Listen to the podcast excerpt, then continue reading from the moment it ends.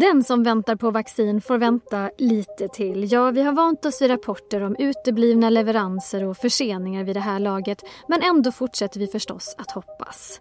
Om inte på mirakel så i alla fall på positiva besked. Och svar på frågan om när vi kanske äntligen kan börja andas ut lite grann. Ute i regionerna väntar man förstås frustrerat på fler sprutor för att kunna slutföra fas 1 och fortsätta med fas 2 i processen. Så hur ser lägesbilden ut i regionerna? Vad har vi egentligen för uppdaterad tidsplan? Varför går det så bra för Gotland och så dåligt för Stockholm? Och hur kan man förhindra att folk går före i vaccinkön? Detta och annat ska vi prata om i dagens Aftonbladet Daily. Och för att göra det ringer vi upp Marie Morell som är ordförande för Sveriges kommuner och regioners sjukvårdsdelegation. Hur oroad är hon över den långsamma vaccinationstakten som Sverige har just nu? jag är ju oroad över leveranserna då. Det är ju där vi har problemet i Sverige just nu då och eh, jag uppfattar att eh, de allra flesta regionerna har ju kommit igång väldigt väl med sina vaccinationer och eh, har full fart och stor planering men vaccinen har inte kommit i den omfattning som det var tänkt från början som vi har sett i alla fall. Och hur mycket frustration finns det ute i regionerna? Vad hör ni så att säga i den kommunikationen som ni har? Ja, det finns en väldigt stor frustration och den grundar sig naturligtvis i att medborgarna är frustrerade och att alla vill väldigt, väldigt gärna vaccinera. Och vi vet hur viktigt det här är för att få igång samhället igen, att vi får en snabb vaccination. Så att det är en frustration. Och det är också en frustration att man har byggt upp de här logistikflödena, anställt eh, medarbetare, ja, tim, timanställda medarbetare, ofta hyrt lokaler och så och sen inte kunna utnyttja det i den omfattning man hade tänkt sig. Nej, vi ska återkomma till just det här med, med beredskapen ute i regionerna. Men om vi ska prata om SKR, hur betygsätter ni er egen information gällande de här förseningarna? För att många förstår ju fortfarande inte varför det dröjer och, och vem som är ansvarig för att det dröjer. Ja, det är en bra fråga. Jag tänker också att vi behöver vara tydliga med vem, vem det är som informerar och det som väl SKR har ju en roll naturligtvis som en medlemsorganisation att hjälpa och stötta medlemmarna att få rätt information och det man gör är ju att ha väldigt mycket möten, till exempel med vaccinsamordnarna i alla regioner som träffas regelbundet varje vecka eh, och då är också Folkhälsomyndigheten och andra relevanta myndigheter med, men SKR samordnar det här. Men här tänker jag att just när det gäller informationen om vilket vaccin som ska komma och som finns tillgängligt så använder sig ju regionerna utav den, den eh, information som finns på Folkhälsomyndighetens hemsida som är den så att säga officiella informationen. Och det är ju den enda man kan agera på. Men tyvärr så förekommer det ganska mycket annan information från olika håll och kanter i, i media och det är ju inte det som regionerna kan planera sin verksamhet ifrån utan det är ju när de finns på den här hemsidan och är utskickade i liksom leveransflödena. Det är ju det man måste agera på. Där har vi nog kanske tillsammans varit otydliga i att det är den, det är den informationen man går på. Så det, det, det, det kan vi förstärka och vara tydligare med. Just nu så är, befinner sig de flesta regionerna fortfarande då i fas 1. Vilken region ligger bäst respektive sämst till just nu för att, ja, med sin eh, ordning så att säga? Ja, det är ju väldigt svårt att bedöma vad som är bäst och sämst. Jag tycker inte det här är ju ingen tävling på det sättet där man ska springa och komma först utan det handlar ju om att vi gemensamt ska få så trycka ner smittan och få så bra eh, täckningsgrad eller vad jag ska kalla det för som möjligt i samhället. Jo men det är väldigt stora skillnader om man tänker på på Gotland går det väldigt bra till exempel och i ja. Stockholm går det dåligt. Har det bara med storleken att göra? Nej det har med ganska rent praktiska logistiska saker att göra framförallt när det gäller Gotland. Och det beror ju på att eh, den, Pfizers vaccin kommer ju då i de här kartongerna som det var ganska mycket diskussion om i början av vaccinationen kartongen eh, och att man då inte får dela den här kartongen när man skickar den till regionens hubb eller mottagningsenhet och då får man, då måste man skicka en hel kartong och Gotland är ju ganska litet i sammanhanget så de har fått mer doser till sig än vad de kanske borde ha fått i förhållande till sin befolkningsmängd. Vilket gör att de haft större möjlighet att kunna vaccinera mer. Men det har varit av ren logistisk eh, karaktär och också beroende på den lagstiftning som vi har över hur man får bryta upp den här typen av kartonger med läkemedel och så vidare. Så att hade vi haft en annan typ av lagstiftning som hade varit mer flexibel hur vi kan ha fördelat vaccinet, då hade vi kunnat fördela den på liksom mer finfördelat om jag säger så. Nu, nu blir det ganska fyrkantigt i och med att man då får använda sig av så många vaccin som finns i respektive kartong. Och då, då har det blivit lite, lite många till Gotland initialt här. Och Stockholm då som ligger i den absoluta vaccinbotten här, varför går det så dåligt?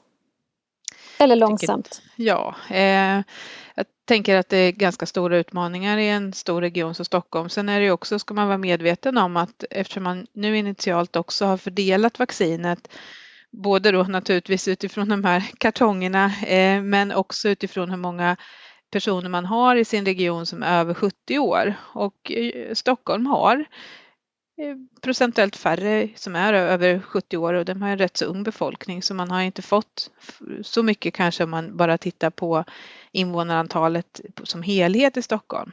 Men eh, eh, sen så uppfattar jag att man arbetar på för fullt och det är inte så att man, man eh, är senare på något sätt utan man, man jobbar på för fullt och eh, använder det vaccinet man får även i Stockholm. Vad är det senaste beskedet ni har fått om när nästa stora vaccinleverans kan komma eh, och skeppas ut i de olika regionerna? Ja, jag sitter ju inte på den typen av detaljerad information utan det är den, den informationen vi får eller som regionerna får, det är ju det som läggs ut då på Folkhälsomyndighetens hemsida. Sen, sen förs det ju som sagt för ganska mycket diskussion i media över att det det ska komma från olika bolag och så. Eh, men det, det kan inte användas, den informationen kan inte användas förrän den finns registrerad på den hemsidan och det finns liksom den här fördelningsnyckeln ordentligt gjord då över hur mycket som ska gå till respektive region. Men det som är glädjande nu tänker jag, det är ju att ett ytterligare ett, ett nytt vaccin som är på väg in på marknaden och som är under prövning nu då och det är ju det är vaccinet som också bara behöver ges med en dos. Så att det är också viktigt Vilka att tänker vi får du på då? Den här Janssen eller Johnson Johnson vaccinet är ju på väg in nu och de har ju fått precis att man ska börja titta på det eh, utifrån EMA, eh, europeisk nivå. Då. Så att eh, det, det, kommer ju dröja några veckor naturligtvis innan vi har det på plats men det är också viktigt att vi får in för hela beräkningen är ju gjord på att man ska ha fler av de vacciner som är upphandlade då utav EU, att de ska, verkligen ska finnas mm. på marknaden. Just det. Och så tänker vi då att de stora vaccinleveranserna börjar komma. Hur ser det då ut med beredskapen ute i regionerna? Du pratar om timvikarier, vi pratar ju förstås om lokaler och så vidare. Mm. Kan man på något sätt eh, utöka kapaciteten så att vi ändå kan försöka hålla uppe takten? Absolut och jag tror att det är ju någonting som jobbas med hela, hela tiden i varje region. I min hemmaregion Östergötland där jag befinner mig och eh, har jobbar politiskt också eh, vet jag ju att man har en väldigt stor organisation som jobbar med allt med planering från som sagt var lokaler till personaldelar till IT och säkerhet och så vidare. Och hos oss har man ju hyrt då stora Saab Arena där LOC spelar i vanliga fall där man har tänkt sig att man ska använda då gångarna runt eh, ishockeyrinken där för att eh, vaccinera. I Norrköping kommer man att använda de eh, mässhallar som vi har ehm, och så vidare. Och så här ser det ju ut runt om i landet där man har stora sådana anläggningar men också vanliga mindre vårdcentraler kanske på en mindre ort då, som man kommer att använda sig utav. Och här tittar man ju på hela tiden och räknar också med hur, hur mycket patienter kan man ha in i flödet under en timme eller liksom för att det får ju inte bli för många på en och samma gång heller. Vi kan ju inte, vi kan ju inte sprida smittan när vi ska förhindra smittan genom att liksom ha för trångt heller. Beskedet som gavs häromdagen från SKR är ju att det kan dröja ända till maj innan de som är äldre än 65 blivit eh, färdigvaccinerade. Mm. Och flera regioner har fått justera sin tidsplan eh, redan nu. Att de, att de vet också att, att det kanske dröjer till juli till exempel innan vi kommer att vara färdigvaccinerade allihopa. Eller vi som vill i alla fall. vad har ni tänkt kring realistiska mål för när alla vuxna kan vara vaccinerade? Utifrån det ni nu vet. Det här är ju en ständig diskussion som pågår naturligtvis och det är ju så, alla vill ju naturligtvis att det ska gå så snabbt som möjligt. Eh, nu har vi ju en överenskommelse då mellan SKR eller regionerna indirekt då och, och staten och där finns det ju när det gäller till exempel de här bonusnivåerna som man har satt upp för när man ska vaccinera de som är lite äldre och så vidare. Där finns det en möjlighet att, att skjuta på det om inte vaccinet har kommit i rätt tid. Eh, men alla kommer ju göra allt vad man kan för att hålla de här tiderna men det beror ju som sagt på att vi får vaccin i rätt tid och att, att det också kommer i en jämn takt. För kommer det alldeles för mycket vaccin som det har pratats lite grann om i slutet av den här fasen så kommer det naturligtvis vara väldigt, väldigt svårt att hinna med. Men vi för en, vi för en diskussion både med regionerna naturligtvis och också mot, mot eh, departement och regering och så vidare över hur, vad som är realistiskt när det gäller de här målsättningarna. Men midsommar kanske man kan vara överens om att det blir svårt? Man ska väl inte ge upp hoppet tänker jag, men det är klart att man måste också vara realistisk. Att, eh, jag tänker att man måste börja fundera på hur, hur skulle det då fungera om man skulle vaccinera eh, senare än midsommar? För det är ju också lite knepigt, eh, så jag menar det är ju ingen egentligen som vill det, för vi vet ju att väldigt många av våra medarbetare inom hälso och sjukvården har semester eller vill ha semester under den perioden. Vi vet själva hur vi beter oss. Eh, vi vill åka på semester eh, eller åka till landet eller något sånt där, vilket gör att vi inte befinner oss kanske på hemmaplan i alla delar och ser också smittläget ut som det gjorde förra året, att det går ner lite grann mer under sommaren så kanske benägenheten att vaccinera sig minskar. Så jag tror det finns ganska många orsaker till att liksom försöka allt vad vi kan att hålla, hålla i att vi får det här i så stor utsträckning som möjligt avklarat till, till eh, halvårsskiftet. Det, det finns lite nackdelar med att dra ut det mm. längre. Det har ju också avslöjats att flera utanför prioriteringsordningen har gått före i kö. Eh, vissa chefer till exempel. På något annat ställe så var det privatpersoner som hade smitit före i kön via någon slags bokningslänk. Hur ska man kunna säkerställa att det här inte fortsätter hända? Det enklaste handlar väl naturligtvis om vård, vårdens medarbetare på olika sätt eller inom kommuner och regioner och så vidare. Eh, här handlar det ju nog ganska mycket om information och det är också viktigt att fundera på vad är det som har hänt när, när det här har inträffat. Det är klart att chefer ibland kan vara både eh, verksamhetschefer men också finnas i den konkreta verksamheten och då är det ju relevant att vaccinera sig. Men det är klart att det är ju inte okej okay att, att ta in vänner och bekanta eh, hur som helst.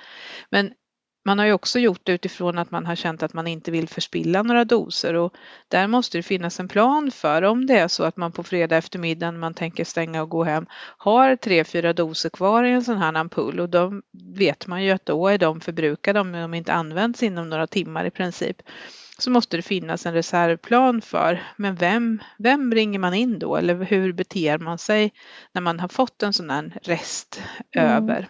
Men rester är väl en sak, men här handlar det ju också på något sätt om, om, om fusk. Alltså att man helt enkelt man tar sig en plats som man inte har. Det måste man väl ändå kunna reglera på något sätt och inte bara via information.